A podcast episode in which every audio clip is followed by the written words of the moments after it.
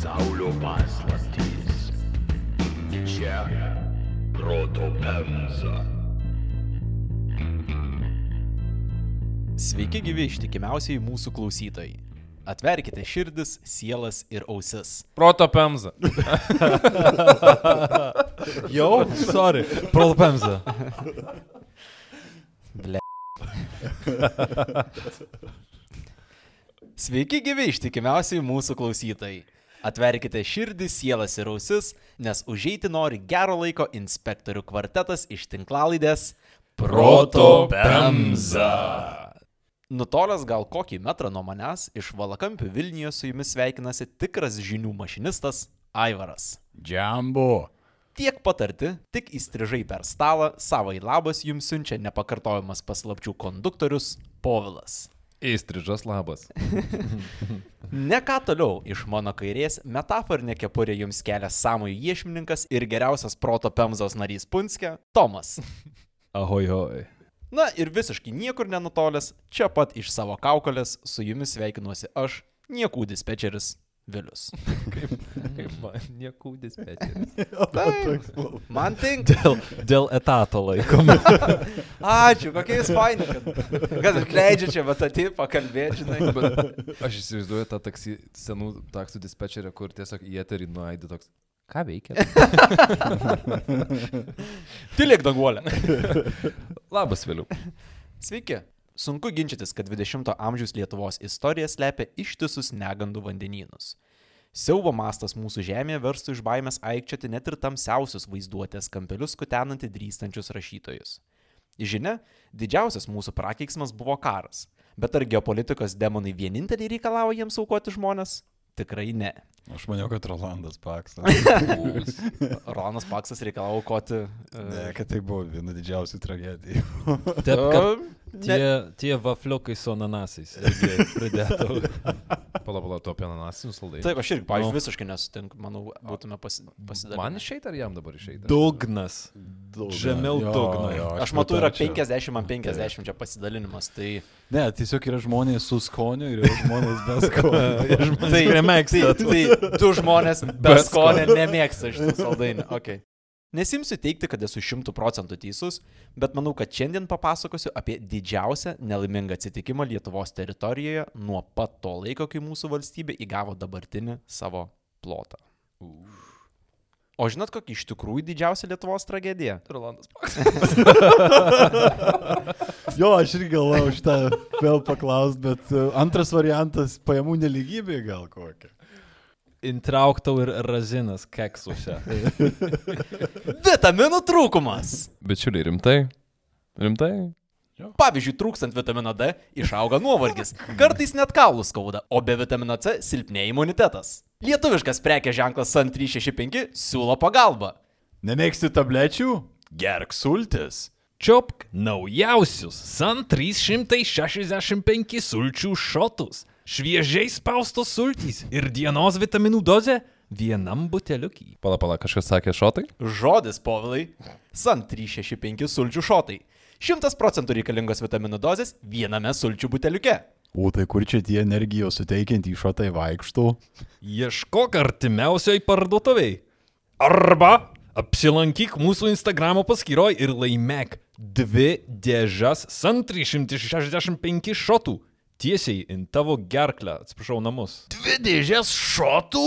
Taip! Ateik į mūsų Instagram paskyrą ir po šio epizodo postų žymėk draugą. Laimėtoją loterijos būdu išrinksime po savaitės. SAN 365 sulčių šotai. Vitaminas D. Atidesni žmonės žino, kad traukiniu įvažiuojant į žaslius pasitinka kelių metrų aukščio medinis kryžius. Gedulo simbolis čia žymi 75 metų balandžio 4 įvykusią tragišką traukinio katastrofą. Velykų penktadienį studentų prigrūstas traukinys iš Vilniaus į Kauną savo kelią baigė greta žaslių. Kliudęs benzinvežį paskendo liepsnuose, kuriuose pasigremžė dešimtis, jei ne šimtą gyvybių. Iki Lietuvai nusimetant sovietmečio grandinės, nežinomybės migla žaslių tragedija traukė neatsitiktinai. Jei nors pusę ausų sekate mūsų epizodus, jau tikriausiai spėjote suprasti, kad didelio masto nelaimingi atsitikimai sovietinė imperija baidė nelig atsakomybę paauglių. Briusas Vilisas nevažiavo to traukiniu. Ne, nei Briusas, Vili, nei Briusas Vilisas, nei Džekas Gilenhalas nevažiavo dėl to. Taip. Ir e, Tai gal bent Bradas Pitas. Į aktualijas.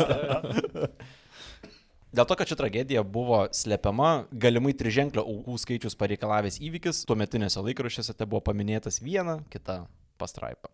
Nu, kas čia tokio, žinai, sovietiniam laikraščiui, kas čia per naujieną dabar. E. Šimtas žmonių. Yra nėra. Bet pradžiai žinoma smeigiame žvilgsnį į šaltinių autorius ir sakome ačiū. Dviženklį puslapių skaičių šiam įvykiui skyrė Kaišėdorių kraštotyrininkas Jonas Laurinavičius, kuris 91 metų leidinėje Ugnies giltinė aprašė Žaslių tragediją. Geras pavadinimas. Mhm. Jo, jo, tikrai yra kečiai, gali, gali įsivaizduoti filmą šito. Šito. Fire Reaper? Būtent. Jo, jo. Čia tokia motociklininkų gaujos yra. pavadinimas. Flame Reaper toks. Ruošiantis neįkainojama buvo ir 90-aisiais savaitraštyje Sekmadienis leista Vandos Vasiliuskaitės straipsnių serija, bei metais vėliau laikraštėje Lietuvos rytas tą pačią temą pasirodė Ramonės Lazuskaitės straipsniai.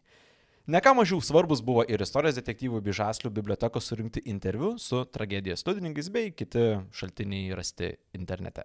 Prieš pradedant pasakojimą, Kur mano telefonas? Kieba negali be jo pradėti. O jei reikės, pavyzdžiui, fact-check vėliau. Žinai ką, Tomai, neturėtum tokios problemos, jeigu būtum, pavyzdžiui, Tele2 klientas. dar viena reklama. Jėzus. Ei, Tele2 savo klientams siūlo vieno numerio paslaugą, arba kitaip tariant, planą išmaniajam esim laikrodžiui. Ne, tai neskubėkime, aišku. Esim planas leidžia susijęti tavo telefoną ir laikrodį. Net palikęs telefoną namie su laikrodžiu galėsi atsiliepti ir skambinti, Gauti pranešimus ir naršyti internete? bei klausytis muzikos ar wink wink proto pemzos laidų. O. Ta prasme, Tomas net ne Lietuvoje gyvena, bet kam čia gadinti reklamą faktais? Nuramyk, papuls vėliau. Jei gyventų, tai žinok tikrai pirktau. Tele2 esim virtuali kortelė leidžia technologiją palaikantį laikrodį paversti visiškai savarankišku mobiliuoju įrenginiu. Informaciją apie paslaugos kainą bei esim laikrodžius rasi adresu tele2.lt/esim. Apsilankyk tele2.lt/esim ir ramiai pamiršk telefoną namie. Eikit jūs visi. 75 balandžio 4 Lietuva jau glostė ankstyvo pavasario šilumą. Po vidurdienio termometro stulpelis pasistiepdavo jau ir iki dviženklio laipsnių skaičiaus, kas buvo tikra atgaiva po ilgos ir šaltos lietuviškos žiemos. Dalį tradicijų neužmiršusių gyventojų ši diena turėjo ir šiokį tokį šventinį prieskonį. Balandžio 4 buvo didysis penktadienis, taigi poryt laukia Velykos. Tikintis to ar ne, tačiau Velykos ir tuomet dažnam reiškia kelionę aplankyti tėvus. Jei ne bažnyčio šventę švesti, tai grįžus iš alkių paženklinto studentavimo Vilniuje gerai prisikirsti mamos ruošto maisto. Vilniaus studentai Alius ir Giedrė veikiausiai apie namus svajojo mažiau. Džiaugiasi brestančių pavasariu. Pedagogikos mokslus kremtančiai Giedrį penktadienį paskutinių paskaitų nebuvo, o būsimasis inžinierius Alius po pietų jas tiesiog negryžo. Vietoj to pora išėjo pasivaikščioti į jaunimo sodą tuo metinį e, Gedimino pilies papėdėje. Namo į Kauną pora turėjo vykti kartu, tačiau artėjant traukinio laikui Alius pradėjo įkalbinėti Gedrę pasilikti mieste. Gedri buvo nemotais tie visi Aliaus įkalbinėjimai ir jie atsisakė, primindama Aliui, kad stotyje jos lauks tėvai. Ir žinoma, geriau laikytis plano ir grįžti, kada pažadėta, nes kitaip namiškiai jaudinsis. Gera dukra. Mhm, visiškai. Panašiai penktadienis tekėjo ir Valdui Žukauskui, nežinau, yra koks nors ryšys su mūsų Aivaru Žukausku, bei Valdo Žukausko žmonai Aldonui, kuri buvo trečiojo Lietuvos prezidento Kazio Griniaus giminaitė. Ne, nesu aš. neturiu. Nesi? Ne, Ne iš tų žaklauskų. ne Okay. iš tų. Reta pavardė, žinai. 26 Aldona buvo įgyjusi inžinierės žemėtvarkininkės išsilavinimą, tačiau galvoje veikiausiai kirbėjo kiek žemiškesni rūpeščiai. Pora laukėsi pirmagimio, todėl namų ilgesys prieš Velykas kaip niekada didelis. Susikrovė nedidelę mantą žukauskai anksčiau paliko darbus. 16 val. 38 min. jų laukia traukinys Vilnius Kaunas, pažymėtas numeriu 513. Tuo tarpu, netoli Elektrienų ir Keišėdorių įsikūrusiame Žaslių miestelėje, iš Vilnius grįžtančios sunaus laukia Veronika ir Alfonsas Garniai. Plauk, prie ko čia garniai? Reiškia. Pavardė, pavardė Garniai. a, a. Ar tu galvoji, kad yra du paukščiai, Alfonsas ir Veronika? Jo, zo, zoologijos sodas yra kaune. Nežinojau, kad reikia pa... Kleketuoja kažkur. Taip, laukia grįžtančios sunaus iš Vilniaus. Tiek pavasaris, kas neša vaikus. Jo, nes, o jų beje 19 metų sunus Garnys mokėsi ele- elektromechanikos technikume, tai kaip paukštis, sakyčiau, labai Na gal protingas. inžinierius buvo. Dabartinis elektromechanikos technikumas yra Vilniaus kolegijos mm, vienas okay. okay. iš e, informatikos ir kažko padalinių.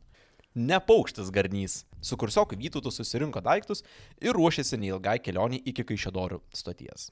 Pasimėgauti miesto džiaugsmais norės Vytautas Arvidai siūlė beišk praleisti traukinį ir vietoj kelionės geriau aplankyti kino teatrą.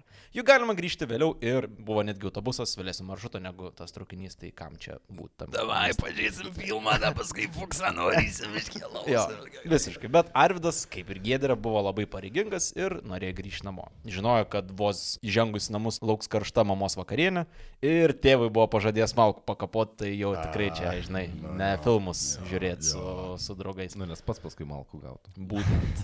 Tai abu kursiokai numojo ranką į tą pasiūlymą žiūrėti filmą ir 16 val. 38 minutės traukiniu pajudėjo iš Vilniaus. Nors tą patį vakarą, vos 90 minučių vėliau į Kauną turėjo vykti dar vienas traukinys, lemtingasis reisas 513 buvo perpildytas žmonėmis.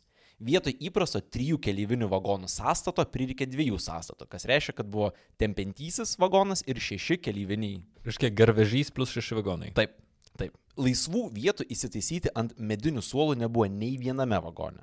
Dalis žmonių stovėjo, kiti glaudėsi ant grindų. Studentai užpakaliu trinti grindis ten anokia.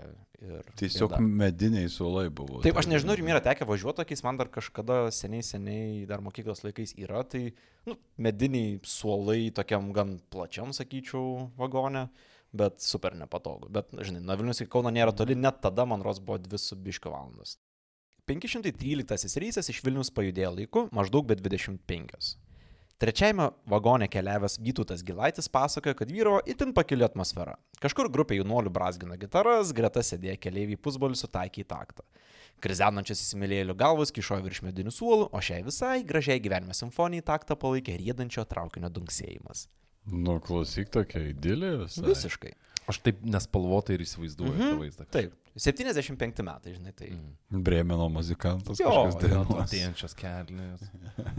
Kiek tiksliai žmonių buvo traukinyje iki galo nėra aišku, tačiau po įvykio darytos nuotraukos sudaro įspūdį, kad viename vagone galėjo būti apie 100 žmonių priklausomai nuo to, kiek keleivių neturėjo sėdimos vietos. Tai apie 600 žmonių iš viso. Jo, jo kažkas, kažkas tokio, plus minus. E, Labai sunku įvertinti, nes žinoma buvo kiek pardavė bilietų maždaug, bet buvo žmonių, kurie turėjo nuolatinius, pavyzdžiui, traukinių nuolatinius, aš nežinau net, kad tokie dalykai buvo, tai, na, jie tiesiog, jiems nereikėjo per bilietą, jie ėjo Jo, ir ne. Plus, kaip suprantu, tuometiniai valstybės tarnautojai galėjo važiuoti nemokamai, tai tas tikslus skaičius labai yra, na, ne, nežinomas iki galo, kiek tų, tų žmonių buvo tuo metu. Bet bent jau pusę tūkstančio, sakyčiau, tikrai, minimum. Žasliuose traukinys sustoti neturėjo. Artimiausia stotelė laukia už 10 km į vakarus esančiuose Kaišėdoryse.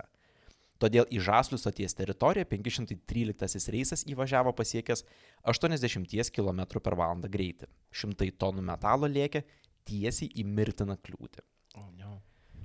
17 val. 35 minutės šimtus keleivių supurtė stiprus trenksmas, lydimas šaižaus lūštančio metalo garso.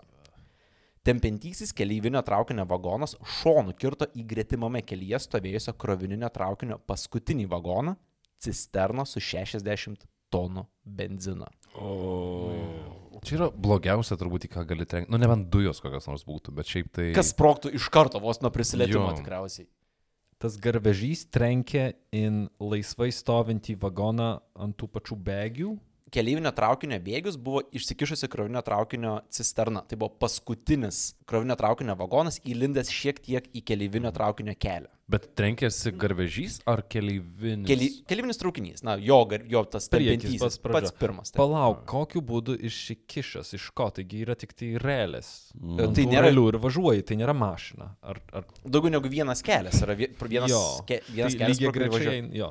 Lygiai, tas traukinys turėjo stovėti lygiai grečiai mhm. ir e, kelinis traukinys turėjo prasilenkti mhm. su juo, bet vietoj to, kad prasilenktų, jis įsikalė į paskutinį, į paskutinę cisterną. Traukinių susidūrimas buvo toks didelis, kad žmonės iš sėdimų vietų perskriejo suolus pirmin, užvirsdami ant kitų keleivių. Per vieną akimirką įprasta kelionė namo virto košmaru, kurio pradžią žymėjo padrikai vienas ant kito sumesti kūnai. Pramušęs skylę cisternę tempiantysis keleivinio traukinio vagonas nuskriejo nuo bėgių ir nuvirto ant šono. Nors paskui nusitempė tris keleivinius vagonus, šie nuvažiavę nuo bėgių liko stovėti ant ratų. Antrasis traukinio sąstatas su dar trimis keleiviniais vagonais išsilaikė ant bėgių. Tai įsivaizduoju situaciją maždaug tai pirmasis tempiantysis vagonas muša į cisterną ir nuo smūgio iš inercijos važiuoja toliau, bet nuo smūgio nukrenta ant šono.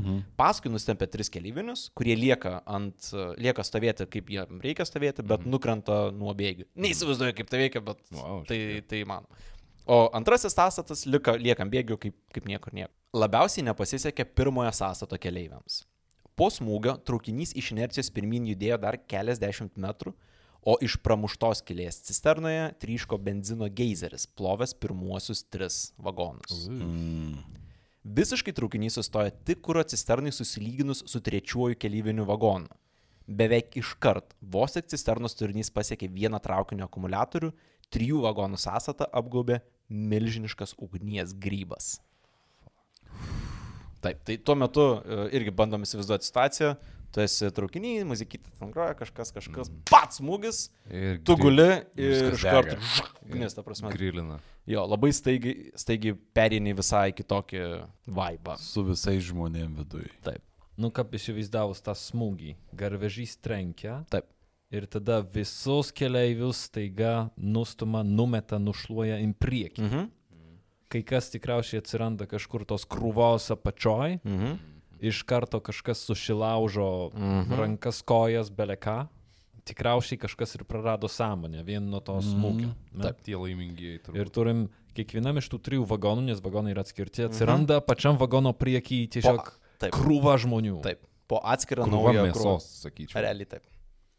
Iš keleivių perspektyvos smūgis ir ugnis pasirodė beveik tuo pačiu metu. Žurnalą Nemonas skaitinėjusi Vilnietė Jedvyga vėliau pasakojo, kad kai po smūgio atmerkė akis, atrodė, kad pateko į raudonai apšviestą patalpą. Tokį vaizdą sukūrė vagoną glamonėjantį ugnis. Jedvyga pasakojo, kad į lauką pateko šokdama per liepsno sieną, kuri pasitiko vos tik pasiekus išeimą. Viskas nutiko taip staigiai, jog greta traukinio jie atsirado vis dar laikydama atverstą žurnalą. Tačiau pabėgus nuo pavojus, visą moters dėmesį prikausė traukinio vaizdas iš išorės. Visas antrasis vagonas skendo liepsnose. Buvo girdėti pokšėjimas ir ugnies užėsys. Kažkas akmenimis bandė daužyti langus, kažkas juos kalė iš vidaus. Aplinkui degė viskas. Žemė įmirkusi mazutu, akmenys, pabėgiai. Liepsna viduj, liepsna visur, kur tas skystis aptaškė Taip. ir tu iššoki iš lango ir po kojom vis tiek liepsna. Praktiškai- liepsnoja. Praktiškai taip. Ta prasme, iššokęs tu jų patenki, jeigu pasisekė, ten, kur ugnies gal yra netiek daug, bet ten tu patenki jau per ugnį ir viską, ką apipila benzinas arba kuras iš paties traukinio, alyvų iš traukinio, viskas dega. Ta prasme, akmenis dega tuo metu. Kadangi įkrenti į liepsną, tai tu ir kvepuoji degančių benzinų, turbūt. Jeigu esi ne, neteisingai vietoje, taip. Vagonė, kurį apibūdino Jedvyga, buvo ir Alius su Giedre. Kuomet keliavinis traukinys rėžėsi į cisterną, vaikinas stovėjo greta sėdinčios merginos. Atsisėsti šalia tiesiog nebuvo vietos. Smūgant žemės nublokštas Alius įsitvėrė merginai į ranką ir temdamas ją puolė durų link. Instinktyviai, nes už lango jau šoko milžiniškos liepsnos ir į vidų plūdo dūmai. Priartėjus prie durų, Giedri išsigando liepsnos ir metėsi į šoną, todėl Alius iš traukinio iššoko vienas. Tarp sužeistųjų Giedrės vardo Alius vėliau nerado. Greta išėjimo iš traukinio tyrėjai vėliau ras apdegusi merginos žiedą ir metalinę pudrinę. Čia viskas, kas liko. Taip. Eik tu savo. Gyvenimą ir mirtį žasliuose skyrė vos kelios sekundės. Traukiniu tą dieną važiavęs Vytautas Gilaitis atsimena, kad smūgis jį išmetė iš kėdės ir nusviedė į žmonių masę. Bet nes instinkto jis sėkmingai pabėgo lauk iš traukinio. Po smūgio buvo tik stiklai, dūmai ir riksmai. Ten negalėjai susiorientuoti, kur esi. Viskas buvo sekundžių reikalas.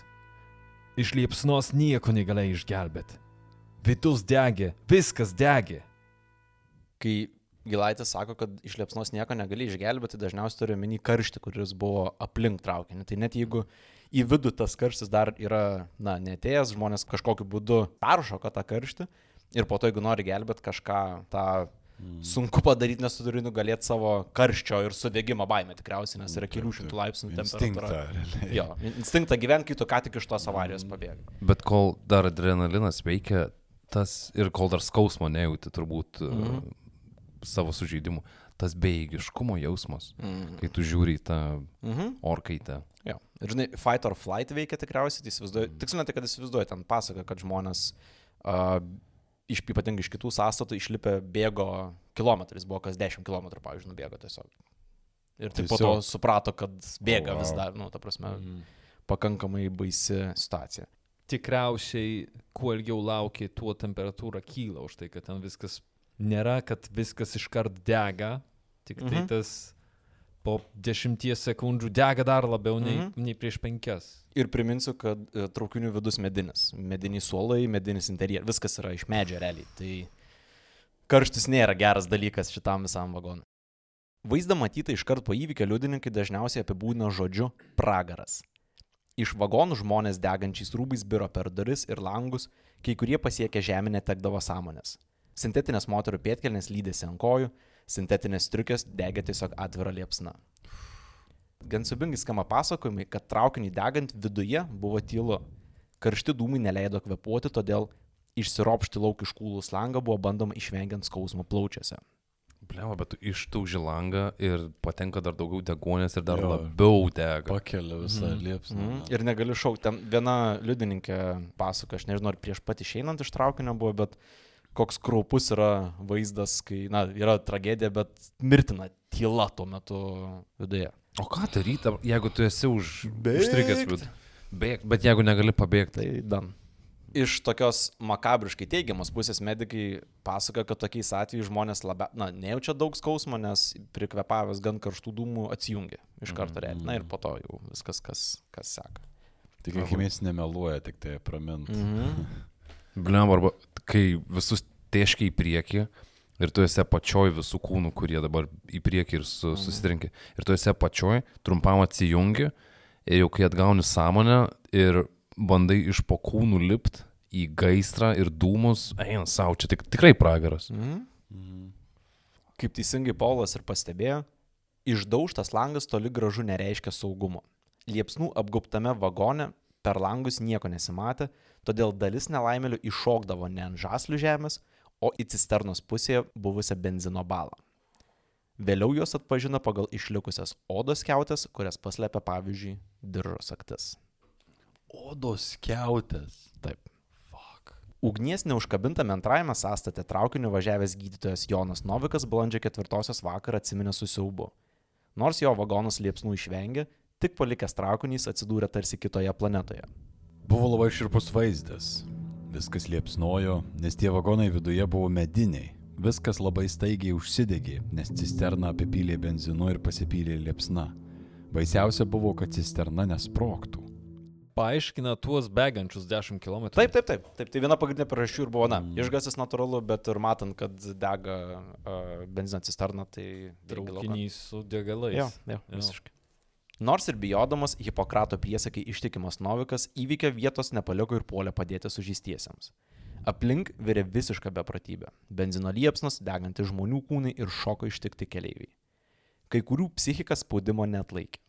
Liudininkai atsimena, jog pasitaikė žmonių, kurie katastrofos vietoje tiesiog vaikščiojo įsmeigę akis į tašką tolumoje ir ne savo balsu reikia tol, kol jo neteko. Gilaitis apibūdina beprotybę varantį vaizdą.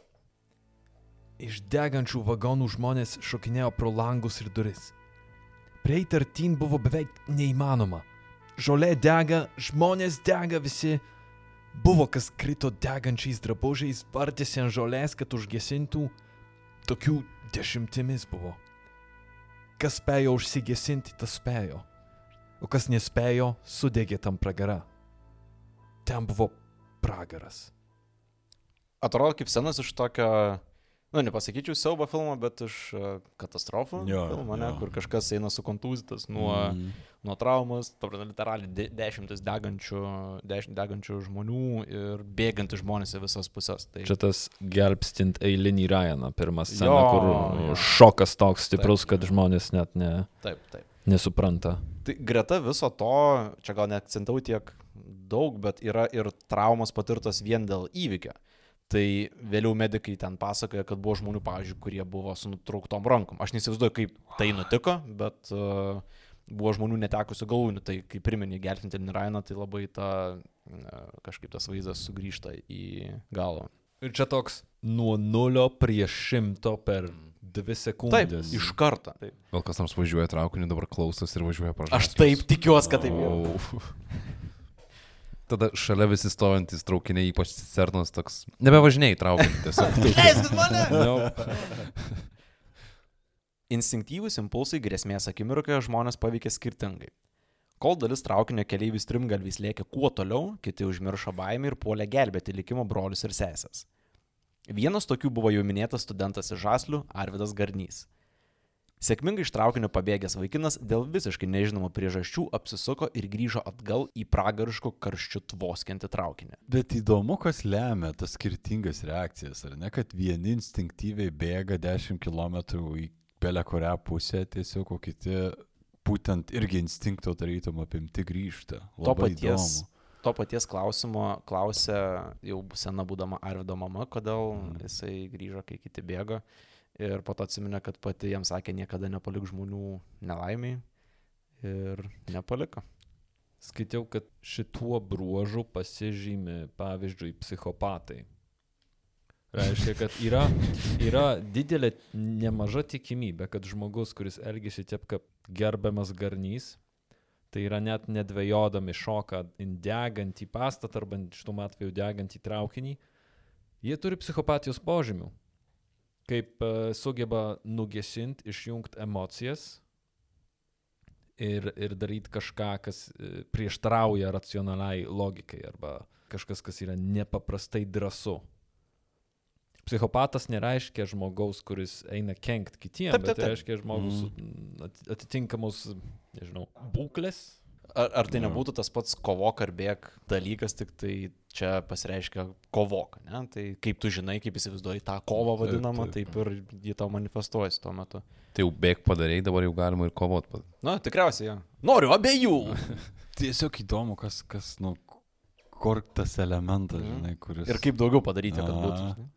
Kas šiaip yra, irgi pagalvoji, vienas gal 2 procentai populacijos yra psichopatai, grinai iš skaičių, iš statistikos. Čia nėra kažkas, kas yra absoliučiai nesu, neaptinkama gamtoj. Kai Tai kas tarp tų- sako daugiau, dar vos ne pusė visuomenės turi įvairių tų požymių, tik tai jie Tik vienas, skirtingai du procentai pasireiškia. prisipažįsta, kad yra. Nu, ar, ar, ar yra tie jau laikomi ar ne tais tokiais klinikiniais, jeigu galima sakyti, kažkuria prasme diagnozuojamais pavyzdžiais, bet iš tikrųjų didžioji dalis visuomeniai turi tam tikrų polinkių. Nu bent jau čia teko kažkada senai vieną dokumentinį BBC žiūrėti apie šitai, kad pati ta savoka, jinai, jinai apima daug daugiau visuomenės, e, nei mums atrodo, kad realiai turbūt pusė mūsų čia sėdinčių yra su tam tikrais polinkiais. Pa, pavyzdžiui, į ananasėlių saldainius. Taip. Mėgsta va- vafliukus tuos ananiškus. jo, šiaip. Žiūrėk, bet jei paimkim tokį konservatyvų, tuos klinikinius, nežinau, 2 procentus. Taip, taip. Tai čia bus kiek iš tų, tarkim, 600, čia 12 žmonių iš viso, kurie nu. antiek, antiek psichopatai, kad taip kaip garnys šoktų atgalim vidų. Gali būti. Jeigu duotume psichopatą kaip teigiamą terminą šitoje vietoje. Neutralų gal labiau noriu link to einu, kad...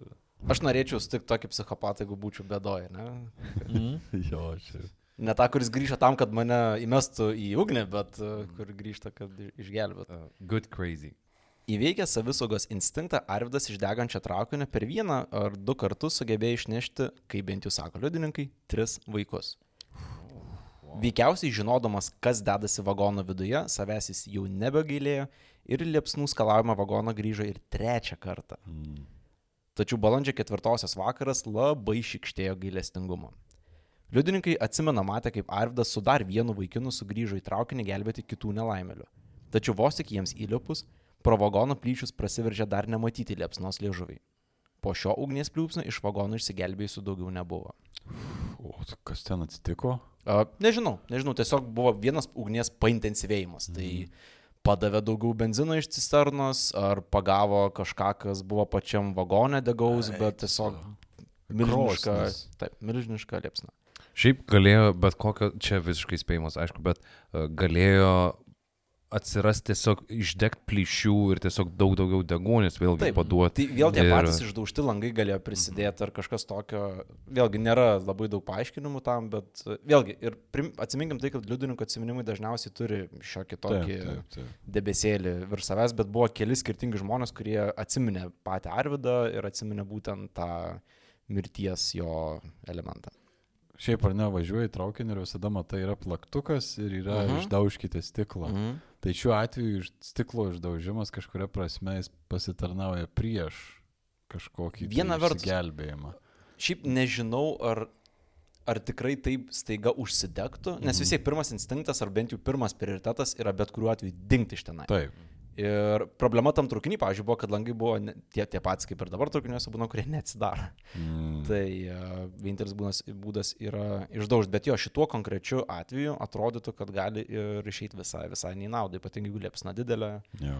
paduoda daugiau oro ir turim laužą. Bet per duris prabėgo, sakė žmogus, tai duris mechaniškai nebuvo kažkaip paveiktos, kad jos neatstarytų ar kažką. Jo, užstrigusios jos nebuvo, nežinau net kas jas atidarė ir patys žmonės, kurie išgyveno, jie nelabai atsimena paties išėjimo momento labai aiškiai.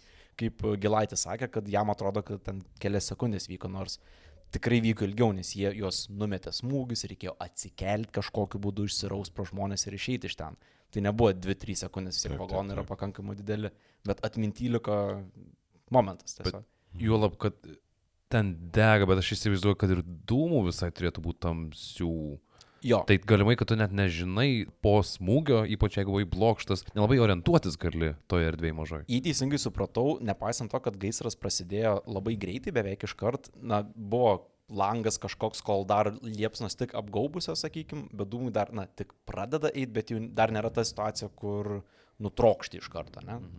Ar, nu, ir dar matomumas kažkoks dėl to yra pamanomas.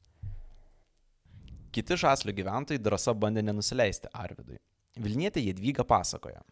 Buvo toks jausmas, kad padėti nelaimės ištiktiesiems sulikė visi žasliai. Pradedant pro šalį važiavusiais vairuotojais ir baigiant artimiausiose trobose buvusiomis senutėmis. Traukiniai susidūrė visai greta medžio apdirbimo fabriko. Pamatė liepsnas, darbuotojai viską metė ir nubėgo į pagalbą. Gesinkim medžiu. Gerai, kad ne fejerverkų fabriko. Parako gamykla tiesiog. Nepaisydami karščio ir benzino cisternų sprogimo grėsmės, būrys vyrų išlaisvino traukinio prispaustą neščią moterį. Ir tą jie padarė beje su mediniam lentom, keldami traukinį į viršų. Vienas klausimas, kuris man kilo skaitančiu, tai kaip ta moteris atsirado po bėgiais. Aš net neįsivaizduoju, nes jai buvo prispausta ranka taip, kad jinai na, negalėjo išeiti iš ten. Tai ar ji bėgdama iš traukinio ten pateko? Gal ar- šokdama iš... Nežinau. bet Krito dar beriedant vos. vos Gal, ne, ne. tikrai neįsivaizduoju, e, kaip tai nutiko, bet irgi nepriklausomi vienas nuo kito liudininkai atsimena būtent tą, tą dalyką ir atsimena todėl, kad ta moteris nesavo balsų šaukė, kad ją iš ten, iš ten išgelbėtų. Tai yra Bad Luck Brian Express. Kiti vietos gyventojai griebė netoliese gulėjusias lentas ir iš lauko ėmė jomis daužyti degančio traukinio langus. Viduje buvę nelaimėliai lauk grūdo vaikus, taip išgelbėdami ne vieno kailį. Tiesa, pasitaikė ir tokių, kurie pirmiausia lauk tempė ne save ar sužįstuosius, o būgnus, gitaras ir lagaminus. Mano Stradivarijus viduje. Tuo metu kiti žasliečiai tempė žmonės be sąmonės kuo toliau nuo ugnies nasrų. Veikiausiai tokiu būdu nuo mirties išsigelbėjo ir Valdas Žukauskas. Po avarijos sąmonę vyras atgavo jau tik Kauno klinikose. Apdegė 11 procentų kūno, veidas ir rankos. Tačiau vyra laukia kur kas skaudesnė žinia, nes jo neščia žmona liko traukinyje. Nu, na.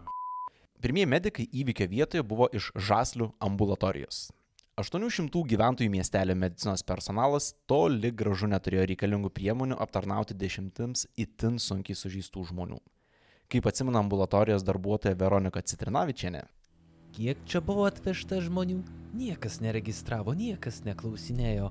Tik kuo greičiau tepė sintomicino emulsiją, tvarstėme ir siuntėme toliau į Kauno klinikas į Kaišėdoris. Buvo labai smarkiai apdegusių, beviltiškų. Vilki drabužius ir oda nusilupa. Baisus vaizdas. Čia kaip po kokios atominės bombos. Mhm. numestos. man irgi pirmas e, vaizdas prieš akis iškilęs yra ir šitas, bet irgi tai rodo karščio intensyvumą toje vietoje. Šiaip neįsivaizduoju, kaip Tai vei, veikia, ta prasme, ką tu turi jausti, jeigu dar iš viso kažką jauti, kai tau nuima rūbus ir jie su oda nueinam. Tai... Kažkur girdėjau, čia, manau, klausytojai, klausytojos gali patvirtinti, paneigti, kad nuo intensyvaus karščio, kai sudega tam tikras procentas odos gilinti, tu nejauti skausmo, nes tau Nes nervai, nervus jo. visai susvilina. Jaiks! Mm. Kaip šiluma kaulų nelaužo? Tai, Tai jo, oda skrudina, bet Trauka- nelaužo. Traukinys, jo, sulaužo. Pakankamai medicinio transporto žasliuose nebuvo, todėl iki ambulatorijos sužeistuosius vežė gatvėje susistabdytais automobiliais ir net savivarčiuose. jie negauna, they never get a break. Toks Ne. niekada negauna šansų, kad kažkas bus gerai.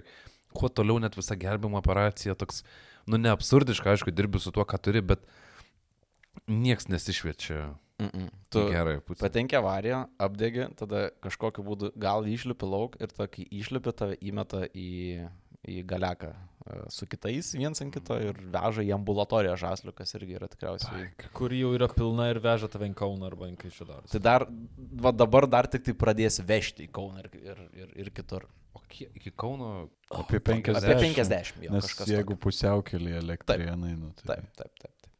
Tai kai Šedoras už 10 km nuįvykė vietos, tai Kaunas apie, apie PAM. Tai situacija kiek pasitaisė, kai atvyko greitosios pagalbos automobiliai iš Kaišėdorių. Vieną tokių mašinų vairavo Alina Mišliuvinė, kuriai įvykio metu buvo viso labo 22 metai. Pasak moters, sunkiausius ligonius iš žaslių vežė visą naktį iki 10 val. ryto. Darbas vyko taip intensyviai, kad nuvežus ligonį iki vietos jau laukdavo paruoštas kitas automobilis, su kuriuo reikės grįžti surinkti kitų nukentėjusių. Tai kitaip tariant, kad nereikėtų išimti žmonių ir laukti, kol tą padarys, tiesiog vairuotojas išlipa iš mašinos, persėda į kitą ir važiuoja atgal į įvykio vietą ir taip rotuoja visą naktį. Turiu dar pastebėti, kad Alina 75-aisiais sulaukusi 22 metų varė su greitosiomis. Jo, aš irgi visai nustebau. Taip, taip, taip. Wow. Tai ką, ponas Mišliuvinė veikia, kažkaip. Power couple. Kiek tu dabar pasakoji, jeigu tai yra tiesa? Visą laiką yra šitas uh, dėmo. Tai šiaip, Visada įtaros, visada. šiaip aktyvumas gelbėjimo, tokioje blogoje situacijoje aktyvumas gelbėjimo ir visų priemonių naudojimas, vėlgi naudojimas to, ką mm. turim ir viską visai yra kažkiek kontrolės situacijos. Man tikriausiai visoje šitoje situacijoje ir atrodo gražiausia dalis, kad iki pasirodant uh, institucijų atstovam dar, tai ypatingai žmonių pagalba toje vietoje labai na, gražiai žiūrisi, kad uh, vis tiek ten sovietmetis, visi ale susipriešinę ir panašiai, bet uh, yra noras padėti kitam žmogui, net nepaisant savo gyvybės eiti į ugnį. Vat mažesnių miestelių meilė. Mhm. Kas, man atrodo, yra defaultas. Žmo, žmonės yra tokia rūšis, kad va tokių katastrofų metu pirma reakcija yra padėti vieni kitam. Labai norėčiau tikėti šitą. Ta, ta duomenys rodo. O kokie duomenys, atsiprašau, rodo, kad uh, ananasiniai saldainiai neskanus? Čia sveikas protas. o, atidarai. man atrodo, Evoliucija. Atidarai skrinutę.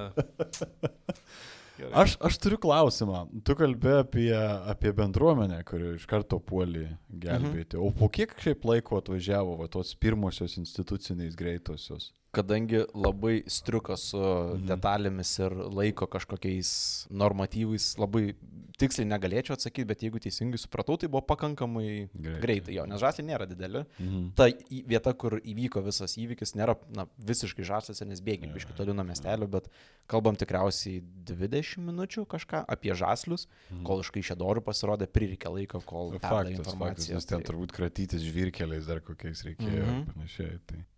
Naktinės kelionės Alinai paliko įspūdą visam gyvenimui. Buvo žmonės be rankų, žmonės komoje, studentai trauminiam šokiai be jokio judesio. Tas degančio žmogaus, tas kvapas liko mano atminty. Aš jį atskirčiau iš tūkstančio kvapų, nes tai yra labai specifinis kvapas. Medikams gelbėjant sužeistuosius ugnegesiai bandė gesinti pragaro liepsnas. Kuklės vietinės paėgas greit papildė sukarinti ugnegesių daliniai, turėjo įrangą skirtą likviduoti dideliems katastrofams. Tačiau gesinti vis tiek sekėsi sunkiai. Kovui su liepsna naudotos putos ugnį prislopindavo, tačiau joms nusėdus benzinas iškildavo į paviršių ir vėl įsižiebdavo. Liepsnos buvo tokios karštos, jog sunaikino kiekvieną traukinio detalę ir sulydė vagonų konstrukciją laikiusi metalą. Dėl šios priežasties po įvykio darytose nuotraukose vagonai atrodo tarsi sulinkę. Mm. Antras ir trečias vagonai sudegė visiškai, o ten buvusiems išsigelbėti nebuvo nie menkiausio šanso. Įvykio vietą naktį iš balandžio 4 į 5 apžiūrėjęs Kaišėdorio rajono prokuratūros tardytojas Pogoželskis byloje pažymėjo. Antrame vagone nuo Kauno pusės prie durų guli krūvos suanglėjusių žmonių lavonų. Trečias vagonas įstrigęs į cisterną su benzinu, kuris stovi trečiame kelyje. Pogoželski irgi pavardė tokia ironiška pusiau. Pogoželisko tai yra vieta, kur jis sudegė. Rimtai? O, ok. Dėm. Tai šitą visą gaisrą užgesino tik tai kitą rytą, iki galo. Tai ugnis degė visą, visą naktelį. Vis mažiau intensyviai, aišku, bet uh, ugnegesiai, kurie buvo įvykio vietai, pasakojo, kad tas putas purškė, purškė, purškė, Mm. purškė ir praeina šiek tiek laiko ir benzinas atgal. Bet ar taip nebuvo tiesiog kažkokių tų priemonių, nes netoli ar nebuvo ir fabrikas, kuriame dalykai galėjo labai Mhm. stipriai ir negražiai užsidegti ir toks vaizdas nebuvo normalių vėl priemonių, kurios galėtų padėti su tokiais dalykais tvarkytis. Man įdomu, ar čia tiesiog, kad technologiškai ir pasaulyje nebuvo tai pažengta, ar čia eilinis atvejis, kai tipo sovietmečių, ai, nu tai va turim čia kažką ir dabar gesinam. Mane šitoje vietoje nustebino tas faktas, kad tam, kad būtų, kas gali gesinti benziną prie stoties, mhm. reikėjo laukti tų sukarintų gaisrininkų dalinių. Ai, tai ten net nebuvo kažko. Ne, tai- jie uh, pradžioje buvo paprasti gaisrininkai, mhm. vietiniai, po to prisistatė, bet pakankamai greitai pristatė Mhm. tie vadinami sukarinti. Jie, na, nebuvo kareiviai, iš Na, pradžių. Taip, taip, taip. Jo, dėl to yra tokia legenda, kad kareiviai pirmieji pristatė į įvykio vietą, bet ne, ten tiesiog, na, su pusiau uniformom kariškom. Mm. Ir tiksliai nežinau, bet gali būti labai, kad iš elektrienų elektrinės prisistatė jie. Nes na, jie būdavo strateginėse vietose Taip. ir desniuose miestuose. Tai pavyzdžiui, vienas iš tų ugnegesių, kuris paprastų ugnegesių iš Žaslių sakė, kad tuo metu, 75 metais Vilniuje, man rodos, buvo keturios tokios brigados, Mhm. Kaune dvi. Tai jos, na, retos buvo ir aš to niekaip negaliu suprasti, kodėl tai nėra defaultas, ne? kad mm. kiekviena, cisterna, kiekviena gaisrininkų stotis turi putas, kuriomis reikia, kuriomis galima gesinti benziną, jo. bet tuo metu, matomai, to nebuvo. Kaina gal. Jo, ir tai gali būti irgi Sovietų sąjungos kažkokio skurdo gal a, padarnys, bet, na, čia visiškai spekuliuoju, Mm. tikrai, tikrai ne, nežinau šito. Net ir Sovietų sąjungos mastais įvykis buvo per didelis, kad jį būtų galima pakišti po kilimu. Todėl sekmadienį nacionalinėje LTSR spaudoje išspausdinamas lakoniškas vienos pastraipos pranešimas apie įvykusią avariją, pažymima, kad buvo aukų, išreiškiama užuojauta. Ta pačia diena įvykio kaltininkams nustatyti sudaroma vyriausybinė komisija, o aukų artimieji toliau ieško savo šeimos narių. Nors vien stipriai apdegusiuose vagonuose įvykio metu galėjo būti per 300 keleivių, kūno atpažinimui skiriamas viso labo 4 dienos. Of course. Nėra Kam čia terliotis dar ilgiau? Visiškai taip. Bylos ištrukose pažymima, kad atpažinti aukas teko pagal rūbų rankovių liekanas, ūsų likučius ar rankinius laikrodžius. Gaisro karštis buvo toks didelis, kad dažnu atveju nepaliko net kaulų liekanų. Bet 75. Mhm. Uh, sukryžminkime tai su temperatūra, Mhm. kuri buvo tam vagone. Suprantu, kad tai buvo toks krematoriumas ant bėgių. Mhm. Visiškai. Tai kas lieka iš degančių kūnų? Jo, bet- Anglis. Anglis? Anglis liko ten, kur buvo mažiau liepsnos, o realiai nieko neliko. Ta Viskas, tai viskas pelenais pačiais smulkiausiais išėjant, žinai. Absoliučiai nieko. Esi matęs tas ypatingai karštas krosnis tokias, kur būna, nu, kur kartais didesniuose pastatuose. Ir tenais, kai karštis užkyla iki tokio lygio, nu, iki baisaus aukščio, tai tu po to, kai viskas išdega, tu atsidarai ir ten yra tiesiog toks pelenai, kurie yra net be, be angliukų, yra tokios dulkės, kurios išsilaksto. Žinok, Tai nieko nelieka. Nepraėjus nei savaitį nuo tragedijos, balandžio 9 dieną vyriausybinė komisija pateikė išvadas. Pagrindiniais įvykio kaltininkais paskelbiami Vilniaus apygardos dispečeris Stasys Urbanavičius ir kelių ruožo meistras Motiejus Šiška. Ar buvo kažkaip detalizuota tiksliai, ką jie blogai padarė? Buvo Tomai. Urbanavičius neva perdavė nurodymą krovininiam traukiniui sustoti žasliuose ir praleisti į Kauną vykstantį keliavinį traukinį. Pasak komisijos, pagal galiojančius reikalavimus, Urbanavičius negalėjo leisti traukiniams prasilenkti žaslių stotyje. Tai jau pirma klaida, mhm. kurią jisai padarė. Antra, ir manau kur kas svarbesnė, perduodamas žinę žaslių stoties būdėtojai, Urbanavičius nenurodė, kad krovininis traukinys yra ilgas sąstatis. Kitaip tariant, sudarytas iš labai labai labai, labai daug vagonų. Dėl šios priežasties būdėtojai žasliuose mane, kad vietos stotie užteks visiems ir krovininiam traukiniui buvo leista sustoti 23,5 metro iki sustojimo vietą žyminčio stulpelio. Dėl šios priežasties paskutinė krovininio traukinio cisterna liko vienu metru išsikišusi į kelią, Ai, kuriuo važiavo lemtingasis reisas. Vienas metras. Jo, turint omeny, kad 23 metrai dar, Mm. dar buvo toliau. Tai Urbanavičius buvo nuteistas 13 metų laisvės atėmimo bausme ir jam buvo priteista atlyginti 200 tūkstančių rublių nuostolių. O Šiška gavo 3 metus ir atlyginti 53 tūkstančius rublių. Tiesa, ieškinys jam po to buvo panaikintas dėl šeimininės padėties. Urbanavičius beje savo kaltę neigė ir sakė laikęsis visų protokolų. Ir šiek tiek tiesos atrodo, kad buvo tame jo pasakymė, nes kai jį nuteisė, nepraeis nei savaitai, staiga atsirado labai labai daug pakeitimų e, krovininių traukinių reguliavimui.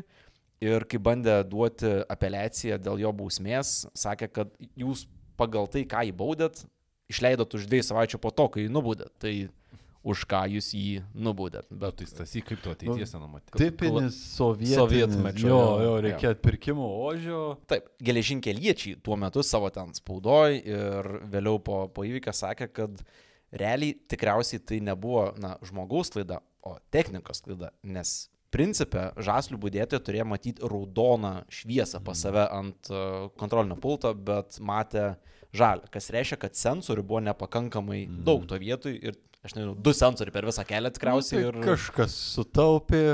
Jo. Labai sovietinis toks Labai būdas vėl, vėl. jo, reikėjo kažkam pasistatyti namus tam Mhm. apylinkėse. Pas kažką sensoriai kieme tiesiog. e, Jo, kai užmini raudoną pasidaro. Noriu, kad, kad pyptų, kai zapą per arti pri- parkuoju Jo. prie namo. Tai Parktronika kažkas pasidarė. Oh, no. Oficialiais duomenimis Žaslių tragedija gyvybė neteko 20 žmonių, dar apie 80 buvo sužeista. Tačiau šie skaičiai tokie pat tikri kaip influencerio emocijos.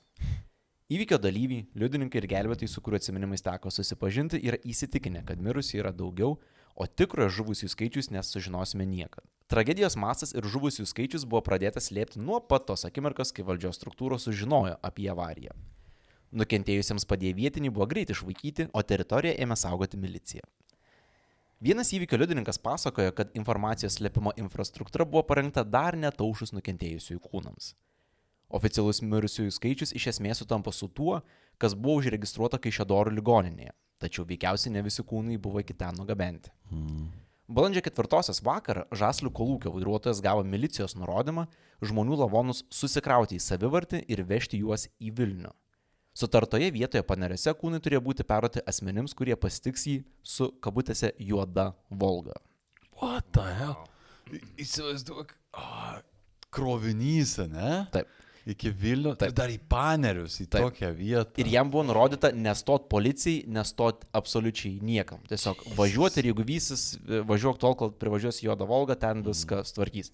Čia nežinau, ar galima taip tiksliai sakyti, bet juoda Volga toks yra, na, kodinis Jo, jo, žodis jo. valstybė, ne valstybės, bet tiem. Slaptosioms tarnyboms. KGBistam. jo. Taip, taip, visiškai, visiškai taip.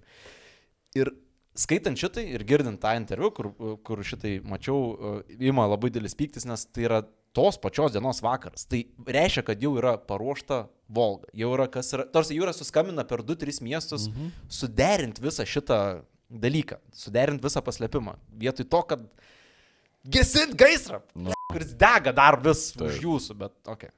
Nu, ką jau ką, ale slėpimo procedūros, tai turėjo geras. Ja.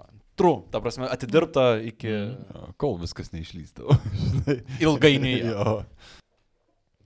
Neatskleisti aukų skaičiaus buvo prigrasinti visi - medikai, gaisrininkai, įvykio liudininkai. Greta avarijos vietos buvusios medžio apdirbimo gamyklos darbininkai atsimena, kad kelias savaitės po įvykio buvo tikrinama, ar jie į darbą neatsineša fotoaparatų. Makabrišką paslaugą sovietiniam slaptumui padarė kraupios įvykio aplinkybės. Nukentėjusieji buvo nugabenti į Žaslių ambulatoriją, Kaišėdorų ligoninę, Vilnius ir Kauno klinikas. Išskaidžius pacientus per kelias ligoninės, paslėpti mirusiųjų skaičių tapo kur kas lengviau. Net jei kurios nors ligonės personalas prasitartų apie vieną ar kitą mirusią asmenį, nacionaliniu mastu žinia kažin ar pasklistų ir bendros statistikos tai neiškreipytų. Bet sakiau, kas buvo gan lengva paslėpti, bet taigi yra aukų artimieji. Jo, tai aukų artimieji galėjo žinot apie tai, kad jų, uh, jų artimieji mirė, bet kadangi yra viena žinutė nacionalinė spaudoje su, sakykime, apie 20 mirusiųjų ir tada yra žinutės regioninėse, regioninėse laikraščiuose su irgi kažkokiu tai skaičiu. Mane tai iš tavo perspektyvos, sakykime, tavo artimasis iš uh, pakeliui iš Vilniaus mirė, tai tu žinai, kad jis mirė ir dar kažkiek žmonių aplinkui. 17. Ta pati žino žmogus iš Kauno, ta pati žino žmogus iš Kaišėdorių ir visiems jiem atrodo, kad mirė apie 17.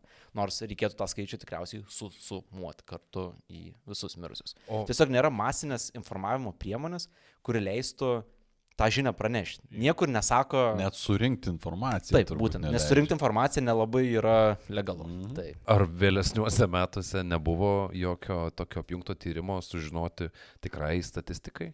E, Jeigu teisingai supratau, nelabai. Buvo bandyta atkas daugiau, bet bent jau iki manęs netėjo na, informacija apie normalų, detalų, ilgą, daug kainuojantį tyrimą. Galbūt, kad praleidau, ta prasme, čia nesimsiu sakyti, kad e, viską žinau, bet e, tikrai atrodo, kad trūksta iš to vietoj šiek tiek kažkokio tai tikrumo, nes net 2014-2015 metais daryti interviu vis dar yra su niekada nesužinosim motyvu. Tai Wow. Kaip užgesino tą gaisrą, ne? oficialiai ligoninėse mirė tarp dviejų ir penkių asmenų, kas yra neįtikėtinai mažas skaičius, turint omeny, kad buvo žmonių avarijoje netekusių galūnių bei su sunkiais viso kūno nudegimais. Kitas sovietams talkinęs faktorius buvo ugnis, nes gaisras pasiglemžė viską. Degė per naktį ir intensyvumu išlydė traukinio konstrukciją laikiusi metalą. Organiniams audiniams išlikti tokiamis sąlygomis beveik nėra įmanoma, net ir kaulams ar dantims. Tai pavyzdžiui, Arvido Garnio kūnas niekada nebuvo rastas ir tėvai palaido pelenų kurvelį tiesiog. Avariją savo akimis matęs Stalius Petras Karnila teigia, kad iš trečiojo vagono, to, kuris sustojo ties benzino čiurkšlę, neišsigelbėjo niekas. Liepsnos ten buvo intensyviausias. Ir iš dalies tai patvirtina ir žurnalistų atkasti dokumentai, kuriuose teigiama, kad pirmajame vagone rastas vienas žmogaus kūnas, antrajame 16, o apie trečiąjį iš viso neužsimenam. Palauk, tai tais skaičiavimais, kiek sakėjai, važiavo žmonių, tai turėjo būti apie 80-90 vienam vagonui. Mhm. Tai jau beveik artėjom prie kart 10. Mm, jo, į triženklį, į triženklį teritoriją po truputį galėtume perlipti su, su šituo. O nėra jokios konspiracijos, kad, pavyzdžiui, sovietai, suprasdami, kad e, tai yra gaisras ir kad jisai paslėps geriau šitą nelaimę, kad jie gal ir nelabai skubinosi įgesinti? Nežinau, aš įsivaizduočiau, kad žmonės, kurie dirba ugnegesys, vis tiek stengiasi tiesiog padaryti mm. geriausiai savo darbą, kiek galėjo, bet čia toks makabriškas accidentą, ne, kuris padėjo jiem netyčia, kaip su Sverdlovskiu padėjo, kad vėjas pūtė į tei, Jo. tinkamą pusę ir nenužudė ten šimtų tūkstančių žmonių, realiai Žinot, ko čia dar trūksta, kad iš galo dar vienas traukinys įvažiuotų. lėktuvas įkrenta. Paksa! Juodligės. Statiniai tiesiog. Jo, va čia būtų blogesnė avarija, numuš juodlygės cisterną. Nes tikriausiai tam pačiam sąstatė vis tiek buvo bent ant cheminė ginkla kokia prikabinta į bendrą. Ir tada iš už miško toks debesis atsirado. iš Sverdlovskio. Ugnegesiai netom putom pradėjo apie. Ja. Juodlygės. oro. Liudininkai pasakoja, kad greta traukinio rado apdegusios karinės uniformos dalis, tačiau nei tarp sužeistųjų, nei tarp mirusiųjų karių nebuvo. Labai gali būti, kad traukinyje buvo ne vienas žmogus, apie kurio kelionę traukiniu artimieji net nežinojo.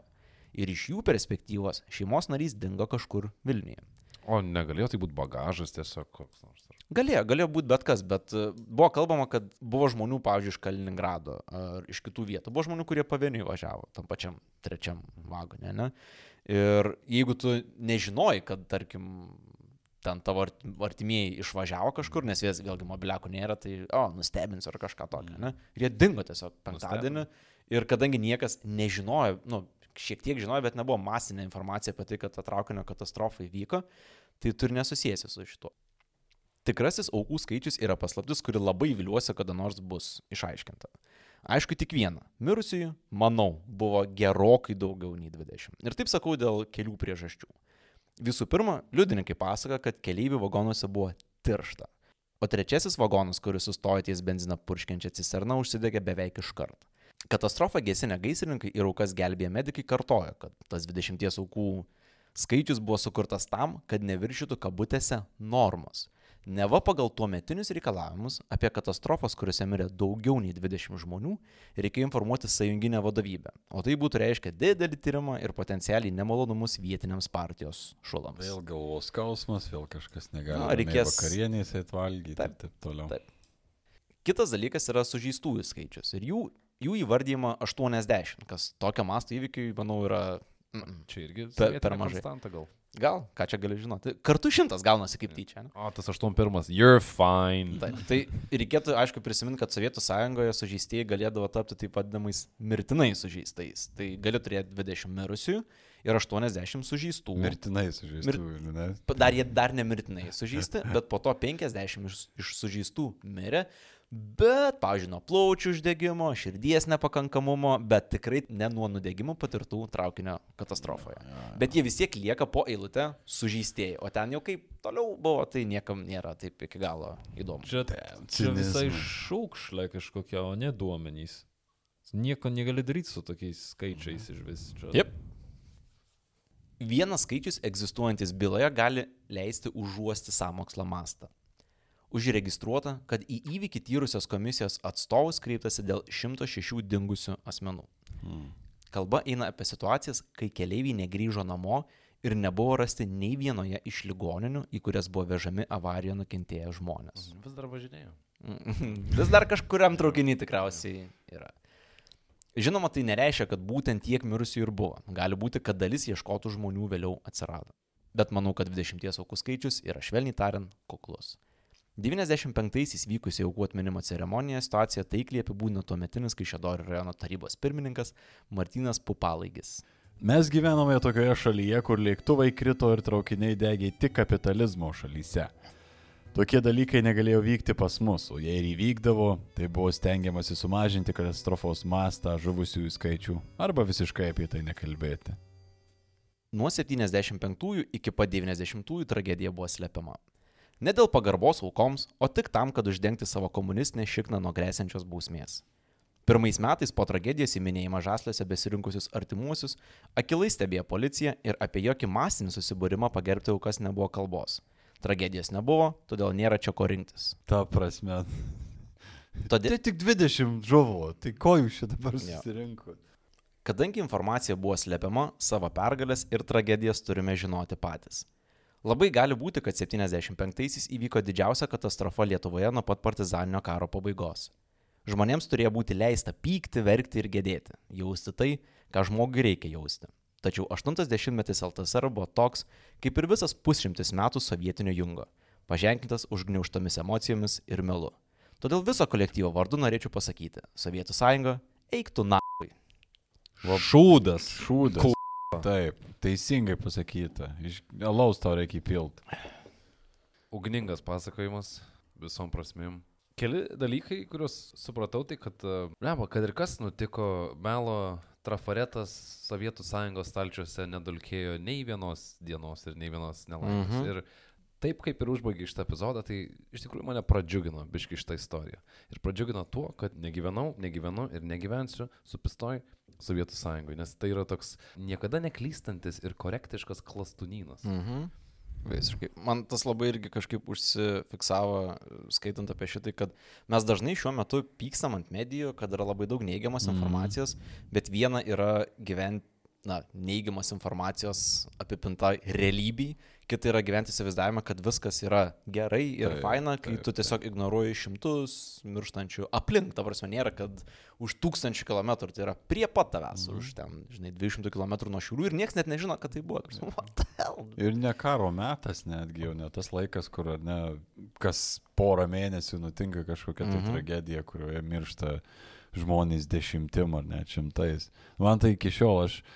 Vat būtų įdomu pasižiūrėti į akis tų žmonių, vat, kurie suvedinėjo statistiką. Tiesiog spjaut taip į akis žmonėm, kurie jau ir taip beprasmiškai prarado savo gyvybės Mhm. visiško, nu tokio absurdiško įvykio metu, ar ne, su nu, metras išsikišęs ten. Mm. Kažko- Kažkas nesužiūrėjo, kažkas Taip, nedadarė. Taip, kažkas nedarė, kažkas kažkur savo pasėmė tuos papildomus rublius ir įrengė mažiau sensorių ir dar kažką.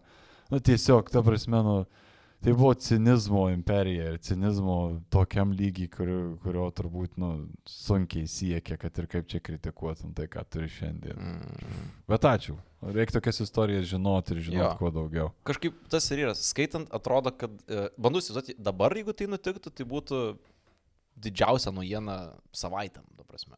Bendras bruožas šitų sovietinių katastrofų, tai yra bendras sistemos bruožas, kuris gimdo tokias katastrofas, yra, taip kaip va, Aivaras sakė, kažkas nesužūrėjo, kažkas nedadarė. Nuo šito prasideda. Tas pats su mm. juodligė buvo. Tiesiog kažkas nesužūrėjo filtro, nedadarė, ne... Ai, numojo ranka. Toks, toks, tas bilė kokiškumas, tokia kažkokia antikokybė per visur lendanti ir Mhm. mhm. tas žmonių susitaikymas su tom, kad ne mano problema, čia, ai, čia kažkiek trūksta, Jo. kažkas nepadaryta. Nedavažiavo, nedavažiavo. Jo. Kažkaip sunkiau buvo apie tai klausyti, negu apie tas prieš e, šimtus metų įvykusias didesnės žudynės arba kažkur toli už daugelio kilometrų Jo, nes- įvykusius maniakus. Čia kažkaip, nežinau, tokias. Arti. Ir dar yra gyvų, kurie atsimena šitą. Tai jo. Jo. Bet norėčiau pasakyti, bravo Laurinavičiui, jisai matomai suprato, kad čia reikia kuo greičiau, tik tai žlugo, tai Mhm. susmirdus sistema, jis iš karto šitą viešina. Taip. Šitą iš karto neleidžia, kad užmirštumėm. Jo, vis metai iš metų atsiranda Lietuvos spaudoje to- tos pačios istorijos atkartojimas. Ir aš esu originalesnis irgi panašią labai istoriją, kokia ir yra atkartojau. Bet jeigu kas nors klausot ir ieškot kokias nors uh, tyrimo temos, prašau. Galite Jo. išsiaiškinti, kiek iš Jo. tikrųjų žmonių mirė e, katastrofos metu. Ir įrodykit man ir mum, kad tik tai 20. Ir jeigu taip, awesome, vadinasi, tik tai 20. Mm. -hmm. prasme, tik tai aišku labai baisus žodis apibūdinti 20 mirčių, bet ne 100, ne? Mhm. Tai tikimės, kad ilgainiui išsiaiškins kas nors, jeigu ne mes pats išsiaiškinsim, ką žinau. Ei, bet labai grafiška tragedija su- atsainumo vyšnė. Šiaip e, supratau, kad per visą epizodą pamiršau paminėti, kad bus idėjų kompostas dar, kuriame biškut apie žastus pakalbėsim ir apie kitas tragedijas. Tai jeigu išklausėte iki šitos vietos žiauriai, e, žiauriai fainai, įsijunkit už savaitės. E, Bus ten ką, ką išgirst. Gerai. Gerai. Jums tai neužsavaitės, mes į to įrašysim šitą dalyką. Tai...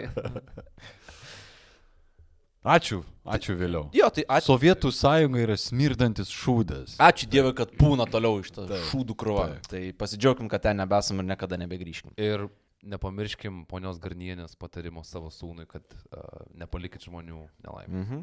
Taip. Taip. Taip. Tai tikriausiai šį kartą iš mūsų būtų tiek. E, Priminsim, žinoma, kad jeigu norite paskaityti ką nors įdomaus ir traukiančio, tai yra tokia rubrika Facebook'e pavadinimu Ką šneka Lenkija, Tomai.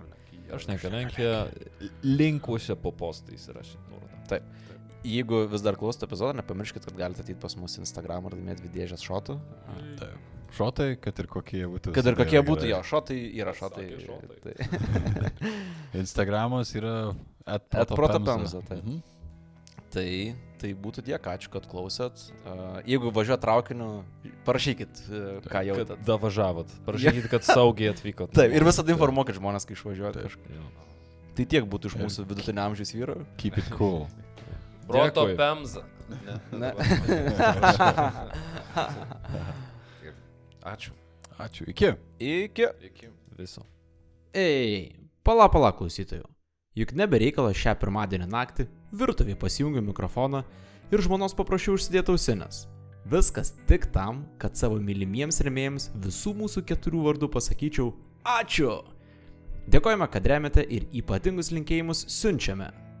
Įmon Zymon, Albinui, Agnutei, Edenui, Ernestai, Jėvai, Doviliai, Augustai, Simui, Sandrai, Ingai, Jovitai, Gabijai, Karoliui, Aušrai, Džiugui, Rytai, Jurgitai, Agnietiai, Daliai, Gretai, Ugniai, Antai, Austėjai, Mariui, Gabrieliai, Nerijui, Aistai, Lincijai, Egliai, Giedriui, Juratai, Jolitai, Robertai, Gerdai, Ernestai, Viktorijai, Gintariai, Monikai, Gabrieliai, Kestučiui, Mindaugui, Aleksandrui, Eugenijui, Astai, Semui, Mindaugui, Denui, Rimantui, Natalijai, Rūtai, Andriui, Vaidui, Persivaliui, Kristinai, Mildeliai, Linai, Brigitai, Ilonai, Arnoldui, Marijai, Nastiušai, Arvidui, Gretai, Sauliui, Arūnui, Žygimantui, Donatui, Edvinui, Julijai, Gretai, Greitai, Ufonautui, Melitai, Indrei, Rasai, Rokui, Akviliai, Žygimantui, Kristinai, Gretai, Vygai, Kerniui, Rūtai, Tomui, Gabrieliui, Rolandui, Tadui, Pauliui, Rokui, Domantui, Justinui, Aurimui, Jovitai, Dainiui, Simui, Eirimiai, Mildai, Bestumburiai, Vagonetiai, Ainui, Dominikui, Norušiui, Mikui, Artūrui, Evelinai, Mantvidui, Kūgimūgiui, Domui, Simui, Justui, Andriui, Laurai, Povilui, Gediminui, Dominikai, Simui, Gintariai, Gabrieliai, Egliai, Justinui, Kunigundai, Evelinai, Deimantui, Auritai, Šarūnai, Jūriai, Džoniui Bravo, Linai, Justinai, Stepan, Štrimaitytai, Lauritai, Ingridai, Arminui, Gyčiui, Meškiui, Martynui, Marijui, Gabrieliai, Marijui, Martinui, Žygimantui, Jonui, Justei, Edvardui, Arūniai, Mykolai, Editai, Arūnui, Kamilijai, Lukai, Sauliui, Benui, Rasai, Dominikai, Aušrai, Astai, Tadui, Tomui, Gretai, Remigijui, Povilui, Egliai, Audrai, Ingridai, tavo tėvui, Vanagui, Vladislavui, Rimui, Daviliai, Erbreideriui, Andriui, Paulinai, Arnoldui, Simui, Gyčiui, Mildai, Arminui, Dariui, Mildai, Vaidui, Audriui, Barškalui, Kretai, Agniai, Augustui, Joridai, Rasai, Povilui, Simui, Mariui, Tomui, Egliai, Tomui, Julijai, Robertui, Mantui, Mindaugui, Pijui, Šarūniai, Pauliui, Sauliui, Vytautui, Deimantai, Mantai, Dėdį Tomui, Alvitai, Mariui, Emantui, Viliui, Skirmantai, Monikai, Domukui, Kristinai, Ungurių valdovui, Arnui, Aidai,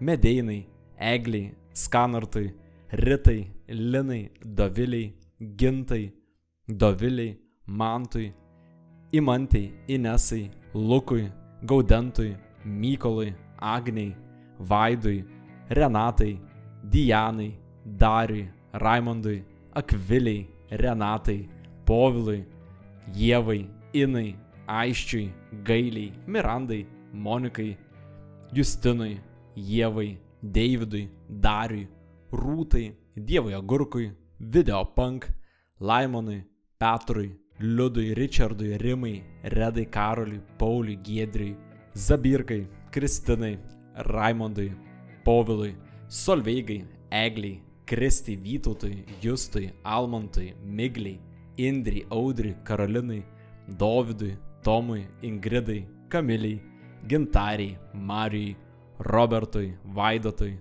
Tomui, Rūtai, Pavelakui, Gvidui, Darislavui, Prezidentui, Irmantui, Aretui, Silvijai, Agniai, Ligitai, Ingridai, Arminui Židrūniai, Gretai, Elijui, Martynui, Simonui, Artūrai, Irmantui, Gustei, Urtei, Linai, Ernestui, Karoliui, Rasai, Deimantai, Rekui, Doviliai, Remigijui, Mantui, Lukui, Jėvai, Juliui, Matui, Čipuokliui, Aurimui, Gretai, Evaldui, Ilonai, Deimantai, Astai, Eimantui, Astai, Mariui, Almantui, Juditai, Antanui, Evelinai, Egliai, Simonui, Dariui, Viliui, Dariui ir Ilonai. Ačiū Jums labai ir iki kitų kartų.